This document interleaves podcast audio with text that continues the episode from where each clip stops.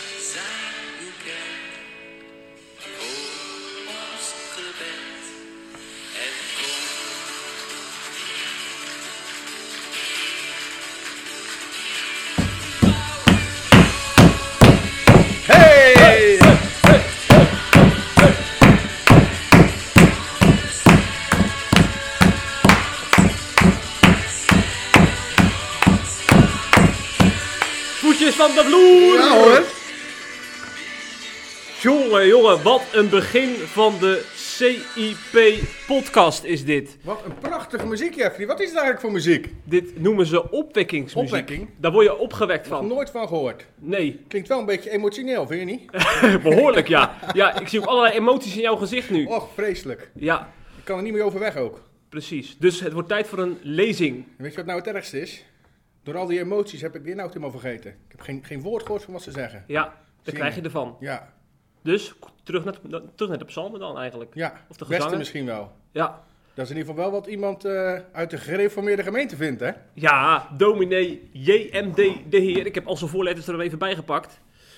Ja, die heeft vorige week in Gorkum heeft hij een lezing gegeven. En het Reformatorisch Dagblad heeft wat eh, quotes opgetekend uit zijn mond. En daar ging het over opwekkingsmuziek en over de emoties, de, al die beleving die we erbij ervaren, dat daar te veel nadruk op ligt. Hè? Ja. Daar ging het over. Ja. Ja, en ehm, vandaar dat we er ook met eh opwekkingslied 769 zijn begonnen. Want als er ergens beleving in zit, is het wel in dit lied Bouw uw koninkrijk. ja. Dat En, klopt. eh, ja, dus behoorlijk. Er zitten altijd wel belevingen op opwekkingsmuziek, hè? Ja, ja, zeker. Het heet niet voor niks opwekking natuurlijk, hè? Precies. Ja, ja. Maar eh, ja, je zou zeggen, waarom, waarom, waarom kiezen wij dit onderwerp in de CIP-podcast? Nou, er is heel veel over geschreven.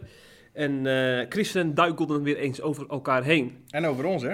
En over ons. Ja, ja, inderdaad, Ja. ja. Maar daar gaan we het nog over hebben straks. Absoluut, Laten we ja. het eerst maar eens over de Heer hebben, met een kleine letter. Ja, met de kleine letter voor de, voor de duidelijkheid. Dat is even moeilijk, hè, de Heer? Ja. Je zou, maar, zou die daarom ook eh, door de, door de commissie zijn, eh, door de, eh, hoe, noem je, hoe noem je die commissie die zeg maar dominees goedkeurt in de eh, Het curatorium. curat- Zou die daarom door het curatorium zijn Nee, dan had er een E achter gemoeten. Oké, ja, dan, dan, ben je heren, dan ja. hoef je niks meer te zeggen. Ik denk dat dit juist tegen hem heeft gewerkt. Oké. Maar misschien dat hij wel daardoor, want hij heeft natuurlijk heel veel onderzoek gedaan naar de evangelische beweging, hè, die Ja, dominee de Heer. Misschien dat het dat met zijn naam te maken heeft. ja, hij is er zelfs op gepromoveerd. Precies. Ja, nou die de heer, wat heeft hij nou eigenlijk precies gezegd die avond? Het was trouwens wel een dag na het overlijden van King Baan dat hij erop doorging over eh, opwekkingsmuziek. Ja. En eh, hij zei er wel bij, moet ik zeggen, dit is niet persoonlijk bedoeld. Het gaat puur over eh, hoe ik naar opwekkingsmuziek, opwekkingsmuziek kijk. Dus het gaat niet over personen aan zich. Hoewel hij natuurlijk wel Christian van Voert heeft genoemd en Sela heeft genoemd. Maar het gaat natuurlijk om de muziek. Ja. En hij zegt dus dat opwekkingsmuziek een warme deken biedt. Een gevoel van eigenwaarde. En hij is niet tegen gevoel, maar hij wantrouwt het wel, want hij kent zichzelf. Als het alleen maar om emoties gaat, wat blijft er dan nog over? Volgens hem moet het om het woord gaan. En dat moet het uitgangspunt zijn en niet die emotie. En dat proeft hij wel te veel in de opwekkingsliederen. Ja. En hij gaat toch wel een stapje verder, want hij zegt ook dat eh, de liederen van Sela en Christian Vervoer bijvoorbeeld, dat die botsen met de prediking van wet en evangelie. Ja. Van schuld en genade. Wat zou hij daarmee bedoelen? Eh, ja, ik, ja ik, ik vind het lastig. Ja, want het wordt niet echt uitgewerkt. Nee. En, en ik ben het er ook helemaal niet mee eens. Maar goed, Nee. dat, Ja. dat, lijkt, dat lijkt me ook wel duidelijk. Hè? Ja, ja, Hij mag trouwens wel zeggen wat hij vindt natuurlijk, hè, die man. Heeft hij alle recht toe Ehm, natuurlijk. En ik vind ook, ehm, voordat we er wat dieper op ingaan, ehm, de, de reacties op hem, op die man, eh, onder andere op SIP, hè, onder, eh, onder onze artikelen en op Facebook, maar ook, ook op social media, vind ik minstens zo erg, of misschien nog wel erger, dan wat de man zelf heeft gezegd. Wat heb je bijvoorbeeld Want, gelezen nou, dan? die heeft echt alles, alles naar zijn hoofd geslingerd gekregen. Ja. Echt alsof hij... eh, Fariseer een, een dienstknecht van Satan zelf is bijna, zeg maar. Hm. Dus eh, hè, jij hebt het in je blog ook beschreven, maar daar gaan we het zo nog over hebben. Ja. Dus dat, vind ik, dat wil ik wel vooraf, vooraf al gezegd hebben, voordat we het erover gaan hebben. Dat, kijk, er wordt vol haat gereageerd Mhm. met als inhoud, u heeft geen liefde. Ja. Snap je wat ik bedoel? Ja. Dus je gaat, je gaat heel boos worden en helemaal op een haterige manier ga je tegen iemand zeggen, dat is liefdeloos. Ja, precies. Weet je wel? Dat is net als als iemand die, die een klap geeft zeggen, jij mag hem niet slaan en hem vervolgens zelf op zijn gezicht slaan. Dat, dat, dat, dat heel raar, vind ik dat. Onze cartoonist heeft trouwens ook een geweldige cartoon over geschreven. Precies over wat jij zegt. Ja, ik heb het Dan zie gezien. je op die cartoon zie je iemand vol woede zie je dat, zie je Ja, dat zeggen. ja, je hebt geen liefde. Ja. ja, daar komt het op neer inderdaad. Overigens komt dat, ik denk dat het, eh, ik- had het idee dat die kritiek en die, die, die haatreacties vooral uit de evangelische hoek kwamen. Ja, ja. En dat heeft, maar dat, kan ik, dat is eigenlijk meer eigen ervaring bij mij, eh, denk ik te maken bij veel evangelischen met een soort onverwerkt trauma. Eh, zeker de wat oudere evangelischen komen vaak nog vroeger uit de reformatorische hoek. Mhm. En die hebben dat op een of andere manier nog niet helemaal verwerkt. Nee. Die hebben een beetje nog aversie tegen alles wat reformatorisch is. Ja. Ik zie dat ook vaak bij, bij getuigenissen, bij een doop bijvoorbeeld. Mhm. Dan eh, geven ze getuigenis en dan van de getuigenis moet er altijd even gepest worden richting een reformatorische Ja. opvoeding. Heel apart vind ik dat. Hm. Maar goed, dat is even een ander paardje. Maar Ja. dat heeft er wel mee te maken, denk Snap ik. ik. Ja, volgens mij heb je een punt.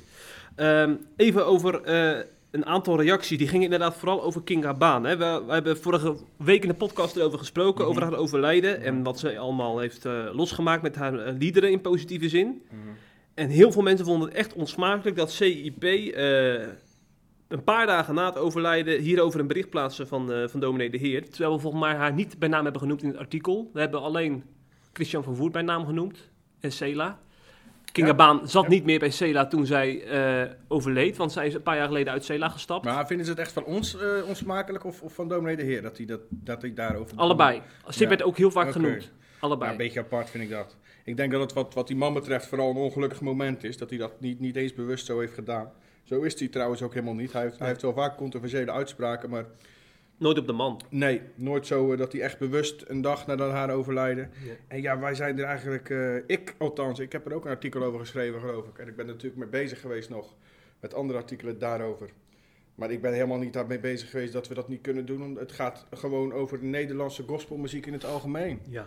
En daar hoorden liedjes van Kinga Baan bij. Ja, nou dat ze toevallig die week overleden is, dat, dat heeft denk ik niks met het onderwerp te maken. Ik denk ook eerlijk gezegd dat het een afleidingsmanoeuvre is weer van evangelische christenen om het maar niet over de inhoud te hoeven hebben van de lezing van de Heer. Want het is natuurlijk heel makkelijk om te zeggen van eh, het is onsmakelijk voor Kinga Baan is deze week overleden, want dan hoef je het weer niet over opwekking te hebben. Zo kun je altijd natuurlijk een reden bedenken om, om het niet over de inhoud te hebben, lijkt mij. Maar waarom willen ze het niet over de inhoud hebben dan, denk je? Ik denk dat heel veel eh, evangelische christenen, maar maakt niet uit of je een evangelisch of reformatorisch bent, ik denk überhaupt Ja, dat maakt veel wel christenen... ik denk dat überhaupt veel christenen niet kunnen omgaan met kritiek over de traditie waaruit zij voortkomen. Ja. En eh, vandaar dat ze het ook er niet over willen hebben. Dat, dat idee heb ik heel En dat de discussie dan heel snel verzandt in, in, eh, in, in randzaken. ja, In plaats van over de inhoud Dan is het makkelijker om naar het zwarte pak van dominee de Heer of naar eh eh Kinga Baan te verwijzen, want dan heb je weer een reden om, om, om de ander zwart te maken. Ja, zwart, zwarte Zwa- pak, zwart. zwart, maken. Goed gevonden. Precies. Ja. Maar ehm, interessant is dat er ook een aantal toch wel mensen met een behoorlijke naam hebben gereageerd. Een prominente naam in de christelijke wereld, waaronder de directeur van eh, Stichting Opwekking, Ruben Vlag. Ja. Jij eh, hebt hem gemaild volgens mij. Ja, ja hij, wou, hij had natuurlijk... eh, ik heb hem gemaild inderdaad, of hij wou, wilde reageren in een artikel. Want ik heb een artikel gemaakt met reacties, althans twee. Ehm, en hij wilde eigenlijk niet reageren, omdat hij zei... Nou, ik heb, eh, ik heb al gereageerd bij Groot Nieuwsradio. Daar is hij eh, in gesprek gegaan, met dominee de heer zelf trouwens. Wat, eh, ik het was wat een heel mooi en bijzonder gesprek was overigens. Ik vond het ook wel heel mooi dat toen het gesprek was afgelopen... dat er direct een keihard gospelnummer werd ingezet. Oh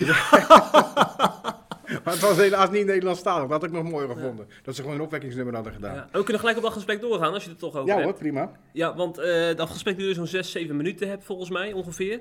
En eh, ik, ik, volgens mij waren de intenties van Groningen Radio wel eh, zuiver. Namelijk, ze wilden echt een oprecht gesprek Ja. eh, bewerkstelligen tussen deze twee. ja, allebei kregen ze ook alle ruimte. ja. Om, een, ik, ik vond, ik vond die, die, eh, eh, die van die directeur van opwekking, Ruben Vlag. Ruben Vlag. De vlag ging uit. ja, de vlag. ik vond, hij begon over eenheid. Ehm, eerst mocht de heerser, dominee de heerser verhaal helemaal doen. En die legde nog eens uit hoe hij het bedoeld had. Hè? En dat hij bijvoorbeeld niet specifiek over opwekkingsmuziek gesproken had op die lezing. Maar dat hij het echt eh, breder bedoelde met Nederlandstalige gospelmuziek. Ehm, en toen mocht eh, Ruben Vlag dus het woord. En die, die, ja, die begon over, vooral over, ehm, over eenheid. Ehm, dat, dat, dat hij dat vooral jammer vindt. Hè? Dat, dat, eh, dat de Heer daarmee de eenheid in de kerk ondermijnt. Maar dat vind ik nog niet eens. Dat vind ik eigenlijk pas van secundair belang. Want wat ik veel belangrijker vind, is dat, die, dat dominee de Heer het over een versmalt evangelie heeft. Terwijl die eigenlijk, in mijn optiek, zelf een versmalt evangelie brengt. Ehm, sowieso wekelijks vanaf de preekstoel, maar ook, maar ook tijdens die lezing. Door te zeggen, en ik, ehm, ik, ik quote hem even in dat gesprek. Het kenmerk van opwekkingsmuziek is dat er een algemeen gevoel overgebracht wordt.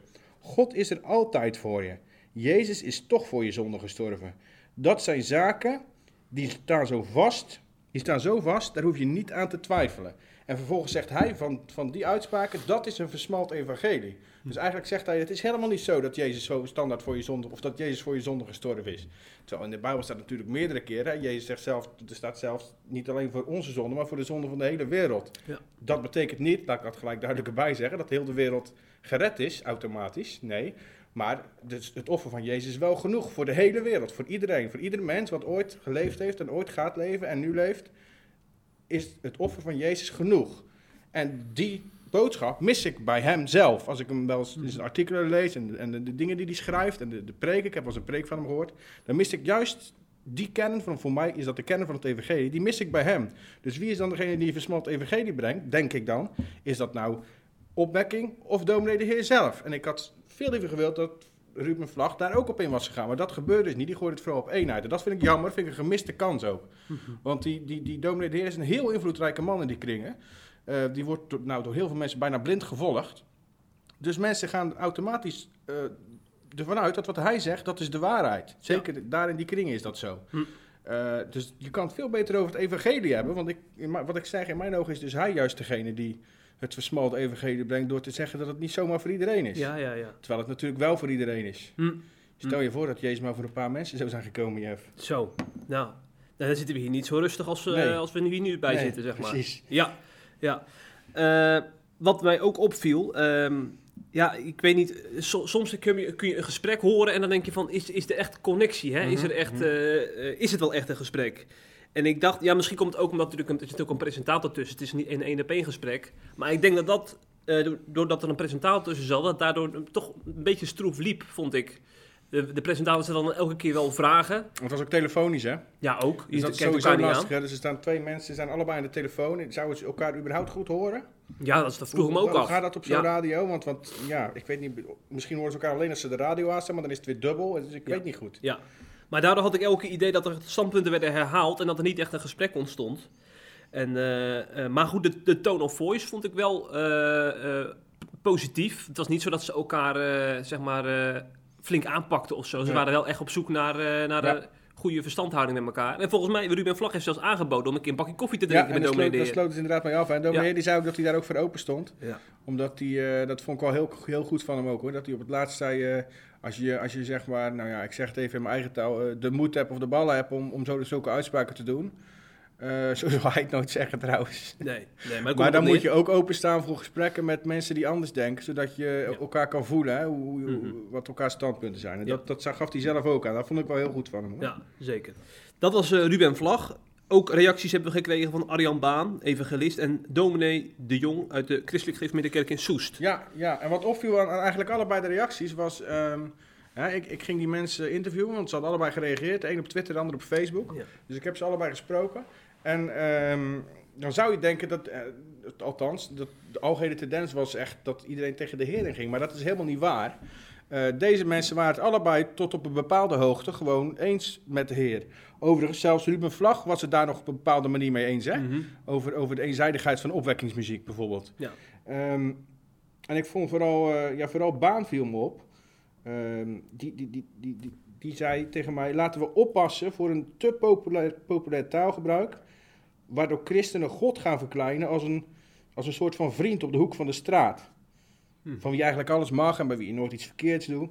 En hij ziet dat vooral in de evangelische kerk terug. En hij zegt dat is mede het gevolg van opwekkingsliederen, ehm, een soort oppervlakkig zondebesef. Tegelijkertijd zegt hij daarbij, maar in de reformatorische kerken zie ik juist weer een soort geforceerd zondebesef. Dus dat is juist weer de andere kant. Hm. Dus we zouden de middenweg moeten vinden. En dan komen we weer bij de PKN. hè? De enige ware kerk, Precies. die heeft de balans gevonden. Ja hoor. Maar goed, Baan zei tegelijkertijd, ehm, luister, er zijn zoveel mooie gezangen. Er zijn, er zijn ook zoveel mooie opwekkingsliederen waar de schoonheid en de heerlijkheid van de gekruisigde en opgestaande Christus wordt bezongen.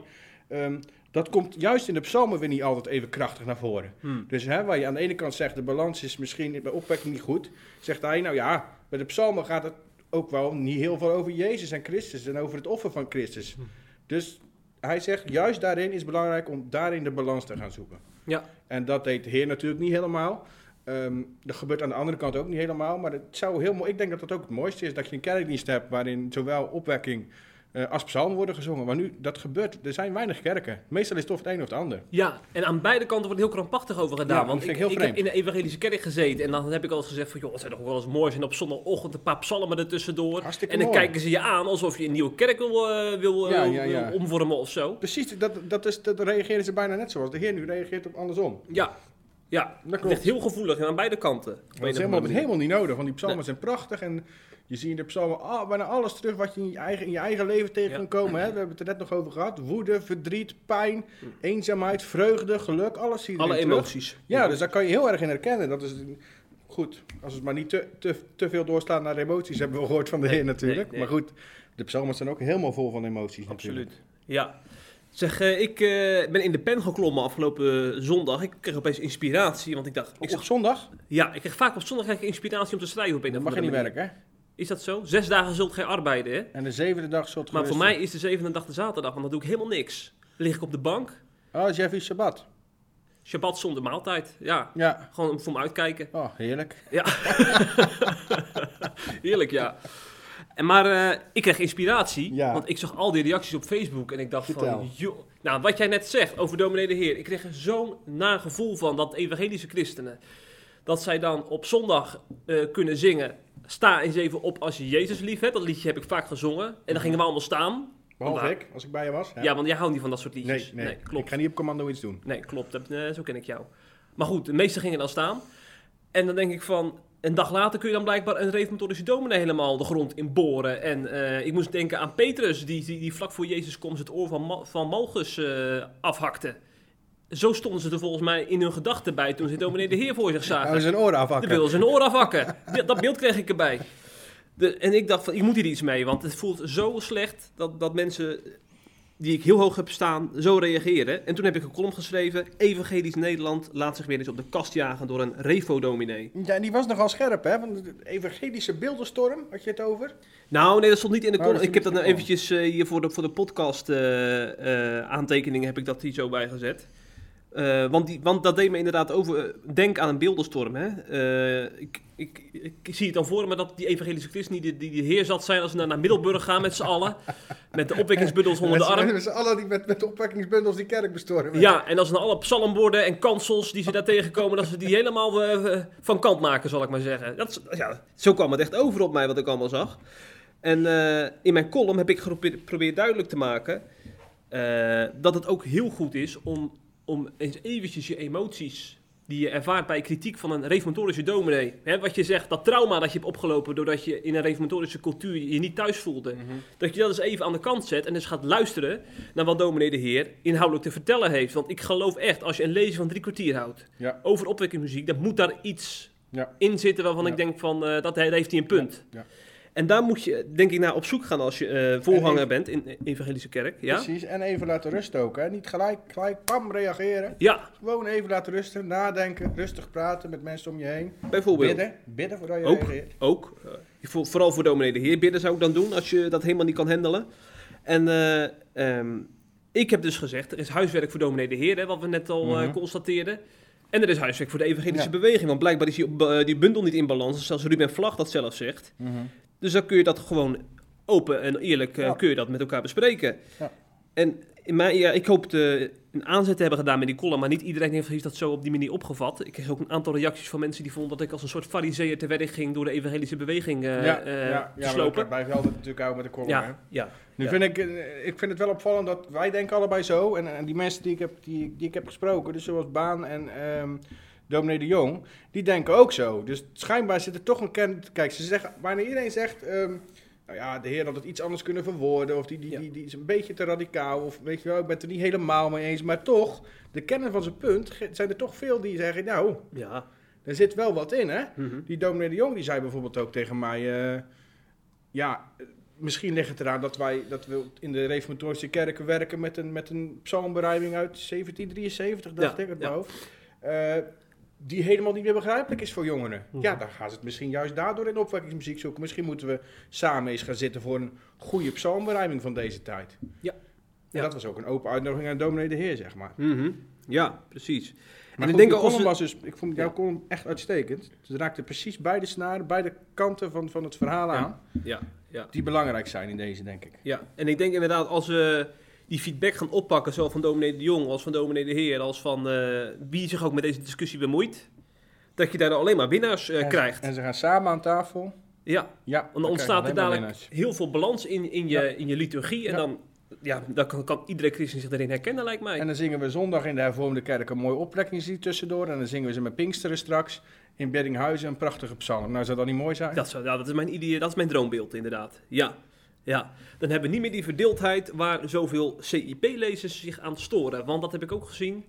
Zij eh, hebben zich nogal gestoord aan het feit dat er überhaupt een artikel op SIP stond over dit onderwerp. Want ze Ja. zeggen, de verdeeldheid wordt hierdoor alleen maar groter. Ja, daar kunnen we wel stoppen, hè, als we dat niet meer gaan doen. Dat is natuurlijk gewoon journalistiek. Eh, wij moeten keuzes maken. Wij proberen ehm, eh, zoveel mogelijk te informeren over wat er gebeurt en wat er gezegd wordt en wat er gedaan wordt in christelijk Nederland. Ja. En daar horen ook eh, dingen bij die verdeeldheid veroorzaken. Die kunnen we moeilijk negeren, want dat zijn nogal wat punten. Hè? Dingen die, eigenlijk is dat bijna alles. Ja. Hè? Want overal wordt anders over gedacht binnen het christendom. Het christendom is enorm breed. Dus ja, als we dat gaan negeren, kunnen we wel ophouden met, eh, eh, met, met publiceren. Het enige wat wij kunnen doen is, als er zoiets aan de hand is, om het van zoveel mogelijk kanten te belichten. En ik vind dat we dat gedaan hebben. Ja, ik vind dat we verschillende mensen aan het woord gelaten hebben Ja. van alle kanten. ja, ja. Eh, maar eh, hoe, hoe zou jij dan... Hoe ziet jij zeg maar, de verantwoordelijkheid van ons ten opzichte van eh, eenheid in de, in de kerk? Want het is natuurlijk wel zo dat we... eh, we, hebben wel, we kunnen wel bepalen hoe we dingen schrijven en wie we aan het woord laten. Ik bedoel, ik, ik zie ook wel eens mensen zie ik aan het woord en denk van... Nou, die persoon die, is niet bepaald op zoek naar de eenheid. En als je die, dan- die dan gaan, een podium gaat geven op je platform... Ja, maar dat is dus de Heer. Hm? Dat is dus de Heer. De Heer is daar een voorbeeld van, wat je nu noemt. Ja, vi- vind je dat? dat is niet op zoek naar eenheid. Nee. Ik kan veel voor over hem zeggen, maar die is niet op zoek naar Ah, eenheid. het kan een begin zijn geweest, dat gesprek bij Gronings Radio. Hè? Ja, ja. Dat kan een begin ja, zijn. Ja, maar in principe is de basishouding niet dat hij op zoek Nee. is naar eenheid. Nee. Ja, ik vind dat je die dan toch een podium moet geven, ja. Want er zijn namelijk wel heel veel mensen binnen, binnen, binnen Christelijk Nederland die, die, achter, ehm, ehm, die, die wel achter die man staan en die, waarvan die hun dominee is in hun kerk.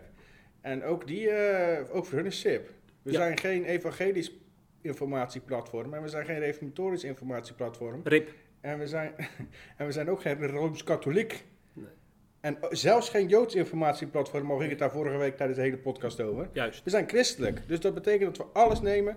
Ook mensen die, ja, waar we het zelf helemaal niet mee... Ik heb zo vaak mensen geïnterviewd waar ik het helemaal niet mee eens ben. Ja, ja dat lijkt dat me kan. meer dat dan normaal. gebeuren. Ja, Je moet het van alle kanten belichten, vind ik. Dat is ons, dat is ons werk. En ik heb juist in mijn werk ontdekt dat ik juist de interviews en de blogs heb gelezen van mensen waar ik het op het eerste punt helemaal niet, op het eerste oog helemaal niet eh, mee eens was. Want ik dacht van, oh nee, daar heb je hem weer.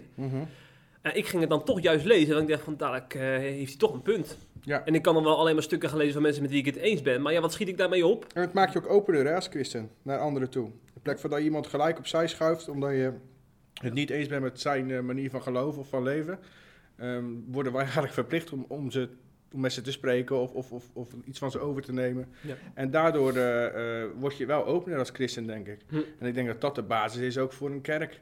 Dat je als christen, ook al denk je anders over heel veel dingen, naar elkaar luistert, met elkaar in gesprek blijft en elkaar blijft liefhebben. Ja. Ik denk dat er nog een heel eh, punt onder zit. Volgens mij, ik, tenminste, ik stond vroeger zo in het leven. Ik ging, ik ging naar de evangelische kerk en ik had zoiets van... Deze bubbel, dat is het. En iedereen die er buiten zit, die, eh, die moet eerst zeg maar eens bij ons aansluiten. Voordat hij zich tot het lichaam van Christus mag rekenen. Maar jouw Ik denk- kerk bedoel je echt? Ja, ja. Oké. En ik denk dat heel veel mensen zo in het leven staan. Dus wij kunnen dan wel zeggen van eenheid is belangrijk. Maar als die persoon, die, eh, die evangelische christen, die reformatorische broeder, niet erkent als broeder überhaupt. Dan, dan, dan gaan de wegen al uiteen. Want zo, zo iemand zal dan zeggen van ja, maar eh, die hoort helemaal niet bij dezelfde familie. Ja. En dus ik denk dat daar ook de ruis vandaan komt Ja. van mensen die zo reageren. Die Ja. herkennen zich helemaal niet in hen als broeders en zusters. Ja, nou dat komt, denk ik, ik denk dat het komt uiteindelijk allemaal vandaan bij Jezus. Als je bij Jezus bent, daar is de eenheid te vinden. De eenheid is niet te vinden in je standpunt over de homoseksualiteit. De eenheid is niet te vinden in je standpunt over opwekkingsliederen. De eenheid is niet te vinden in je standpunt over de kleding die je draagt, over, over hoe vaak je naar kerk gaat, over naar welke kerk je gaat. De eenheid is te vinden bij Jezus. Zeker. En daar moeten we heen, allemaal. En ik denk als je daar, als je op die manier in gesprek gaat, dat je over die randzaken, want ik, die dingen die ik net noem, vind ik randzaken. Ik vind ook heilige huisjes ook. Ja, precies. Dan kan je het erover oneens zijn, zolang je elkaar maar vindt in Jezus. Ja. Ik denk dat dat het belangrijkste is. En ik denk dat dat een mooie zin is om dit onderwerp mee te beëindigen. Prima. En over te gaan naar heel goed nieuws. Want de vlag ging uit in Pakistan. Ja, nou in Pakistan zelf Oh, weet ja, ik nee. niet. ik denk dat hij daar half stok ging. Die hebben daar ook een hele andere vlag met een halve Ja, maan erop. Ja, Ja, maar hij ging in ieder geval wel uit in, christelijk, in de christelijke wereld, ja, laat ik het zo zeggen. absoluut. Ja, want Asia Bibi, eh, toch wel een vrouw waar enorm veel voor gebeden is. En die eh, aan de dood is ontsnapt, op een haar na. Die is in Canada aangekomen. Eindelijk vrij. Eindelijk vrij. Ze is, eh, eerder dit jaar is ze vrijgesproken, ook door het Hoge Rechtshof in Pakistan, wat echt Mhm. historisch was. En ehm, vervolgens eh, heeft het nog heel lang geduurd voordat we echt goed nieuws konden brengen. Want ze heeft nog een tijdje eh, ja, soort van vastgezeten uit, bescherming in een safe house. Om zeg maar, radicale moslims bij haar vandaan te houden. Die wilden haar echt wat aandoen, want die waren het niet met het Hoge Rechtshof eens. Dus Asia Bieber kreeg ook, eh, ja, die had echt geen leven meer. Nauwelijks te eten, nauwelijks echt goede verzorging ook. En iedereen maar, bleef maar roepen van waar blijft het moment dat ze eindelijk eens naar een ander land gaan. Want Ja. dit, dit kan gewoon niet zo. Niet zo langer. En nu is het dan eindelijk zover. En Ja. ze zit ze in het vrije Canada. Nou, dat is ja. prachtig. Ja, bij de familie ook, hè? Die was daar al. Die was er al, ja. Heerlijk. Ja, zeker. En ehm, ja, dan zou je denken, goed nieuws. Maar Eind goed, al goed. dat is toch niet helemaal het geval. Nee, nee, Want ik zag een artikel voorbij komen van jouw hand, Patrick, met Ja. de titel Asia Bibi moet de rest van haar leven Ja. over haar schouder blijven Ja. kijken. Kijk, weet je wat het is? Ehm, de hele cultuur en de religie van de islam, die draait eigenlijk eh, voor een enorm groot gedeelte om, om, om eergevoel, om eer. En, en het ergste wat je kan doen is, is die eer krenken van, van mensen zelf of van hun familie. En nog erger, van hun profeet of hun god. Hè? En, en in hun ogen heeft Asia Bibi eh blasfemie gepleegd, heeft, ze- heeft ze Mohammed, de profeet Mohammed beledigd. En, en dan zijn ze gekrenkt in hun eergevoel. En er is maar één, eigenlijk maar één manier om dat op te lossen: haar dood. Dat heb je ook gezien toen ze vrij werd gesproken. Hè. Ze, we- ze gingen massaal de straat op daar. Het hele openbare leven werd stilgelegd. Ze eiste gewoon letterlijk haar hoofd. Ehm, nu is ze vrijgesproken, is ze weg. Maar ehm, dat kunnen ze nog steeds niet verkroppen. Eh, dus er zijn al verschillende extremistische moslims die hebben gezegd dat ze, die hebben beloofd aan de moslims, eh, we zullen niet rusten voordat ze Azië gestraft hebben. En Hmm. daarmee bedoelen ze dus vermoorden, Ja. afslachten, onthoofden. Ehm, nou kan je misschien zeggen dat zijn de gematigde moslims of de extremistische moslims. Ja, dat klopt. Eh, en die gaan daar ook echt wel achteraan, daar geloof ik echt wel in. Maar de gematigde moslims in dat land, in Pakistan, voor zover die daar al zijn, ja, die staan dan gewoon te juichen hoor, als dat gebeurt. Hm. Maar waar- baseer je dat op? Op dat ze zo massaal de straat op gingen om haar doodstraf te eisen. Ja, dat was niet een groepje van tien dat mensen. waren geen extremistische moslims. Dat, dat- althans, dat zouden wij hier misschien... Misschien moeten we het gewoon helemaal geen gematigde moslims meer noemen. Misschien moeten we heel het land extremistisch noemen. Al zullen er vast uitzonderingen zijn. Ja, ik wil zeggen, de, dat, dat zou wel een heel somber beeld van Pakistan Ja, zijn. maar het is toch niet echt. Het is toch, kijk, hier- kijk, toen bijvoorbeeld de Twin Towers eh, eh, werden, werden aangevallen. Ehm, toen zag je wereldwijd, ook bijvoorbeeld in Nederland, kleine groepjes moslims die daarom gingen juichen. Hè? Vreselijk natuurlijk, maar echt, echt kleine groepjes. Hm. Maar daar was het echt, echt ook toen, maar ook zeg maar, dit, echt massaal. Het gingen massaal de straat op. Het waren geen tien of honderd mensen, het waren duizenden, duizenden, misschien wel miljoenen mensen die de straat op gingen om op het hoofd van een vrouw te eisen, waarvan ze niet eens zeker weten wat ze nu precies gedaan heeft. Ja. Want ze heeft het tot op de dag van vandaag ook ontkend, hè, wat ze gezegd heeft. Mhm. En, en de rechter is het daar ook mee eens. Het is niet bewezen dat ze het gezegd heeft. Maar toch, op basis van getuigen van twee vrouwen, die hij schijnbaar ook niet mocht, of drie vrouwen, ehm, eisen ze massaal haar hoofd. Nou ja, dan kan je niet meer spreken van gematigde moslims, toch? Nee. Maar toch, als ik dan zo'n advocaat zie, haar advocaat is moslim, die heeft echt zijn leven Ja, op het spel gezet om haar Ja. vrij te krijgen, wat hem ook gelukt is. ja Dat denk ik van, er zijn meer van dat soort gasten daar in dat absoluut een uitzondering. Ja, die zullen er echt wel zijn, hoor. Ja. Tuurlijk, het is natuurlijk niet dat, ze, dat letterlijk iedereen daar zo is, Nee. maar ik denk toch echt wel eh, eh, de meerderheid. Er is daar niet sprake van een zwijgende, gematigde meerderheid. Hm. De meerderheid is echt wel zo, zo, eh, zo, zo die eist haar hoofd. Ja. Ze eisen niet alleen het hoofd van Asia Bibi, maar ook van eigenlijk een soort nieuwe Asia Bibi. Ja, het houdt niet op, hè? Ja, want er zijn meer vrouwen in Pakistan die eh, in een soortgelijke situatie zitten. Haar naam is Shagufta Kausur. Ja. Een 45-jarige moeder, vier kinderen, ter dood veroordeeld. Eigenlijk vanwege hetzelfde. Ze zou de profeet Mohammed hebben beledigd. En ja, dit is eigenlijk het verhaal van Asia Bibi. Maar dan weer in een, eh, in een andere familie. Samen met haar man ook, hè? Met z'n tweeën zijn ze. Allebei zijn Ja. ze ter dood veroordeeld. Ze hebben een beroep aangetekend ook. Ehm, maar daar wachten ze nu al, al, een aantal jaar op. Ehm, ja, ik ben benieuwd hoe dat gaat af. Kijk, het is natuurlijk wel zo. ehm, we moeten niet vergeten dat er, dat er duizenden, duizenden mensen zoals Asia Bibi zijn. Niet alleen in Pakistan, overal Ja. ter wereld. Hè, we hebben pas weer eh, heel veel berichten over christenvervolging, die, die steeds meer toeneemt. Asia Bibi was alleen de afgelopen jaren een soort verpersoonlijking, het gezicht van de christenvervolging aan het worden. En, en ja, dit, dit, dit wordt nu gebracht alsof zij het nieuwe gezicht is. Maar we moeten natuurlijk niet vergeten dat alle andere individuele gevallen net zo erg zijn. Zowel in Pakistan als in, in tal van andere landen. Hè. We, er vinden steeds meer aanslagen plaats. Van de week was het weer in Burkina Faso. Hè. Mhm. Een kerk aangevallen, heel op een enorme brute wijze. Mensen die Ja. gewoon, moslimextremisten, die, die, die met wapens een kerk binnenrennen en beginnen te schieten tijdens een dienst. Dus eh, ja, dit, dit is heel erg van deze vrouw.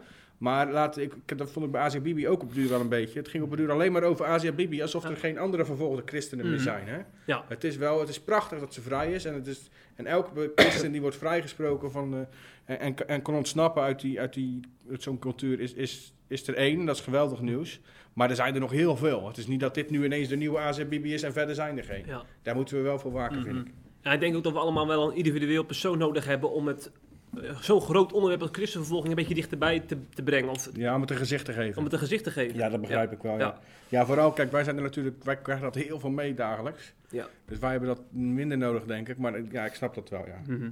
Ja, oké. Zeg, eh, ik weet niet wat jij daarvan vindt, Patrick, maar we zijn natuurlijk begonnen met een uh, opwekkingslied. Ja, En we houden nogal van de balans op CIP. Is het dan niet goed om nou met een psalm te eindigen, ja deze dat vind ik een podcast? uitstekend idee. En dan, eh, jij, jij kent de psalm al redelijk, dus ik denk dat jij ook wel een hele geschikte psalm weet voor de podcast. Ja, ik zal een hele mooie zoeken. Nou, dat vind ik fijn.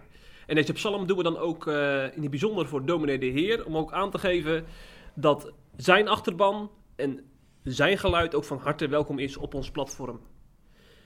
Want dat vinden wij belangrijk. Eenheid, veelkleurigheid. En daar gaan we. Daar gaan we. En wensen u nog een hele fijne week. En tot de volgende keer, hè. De groeten. Doei.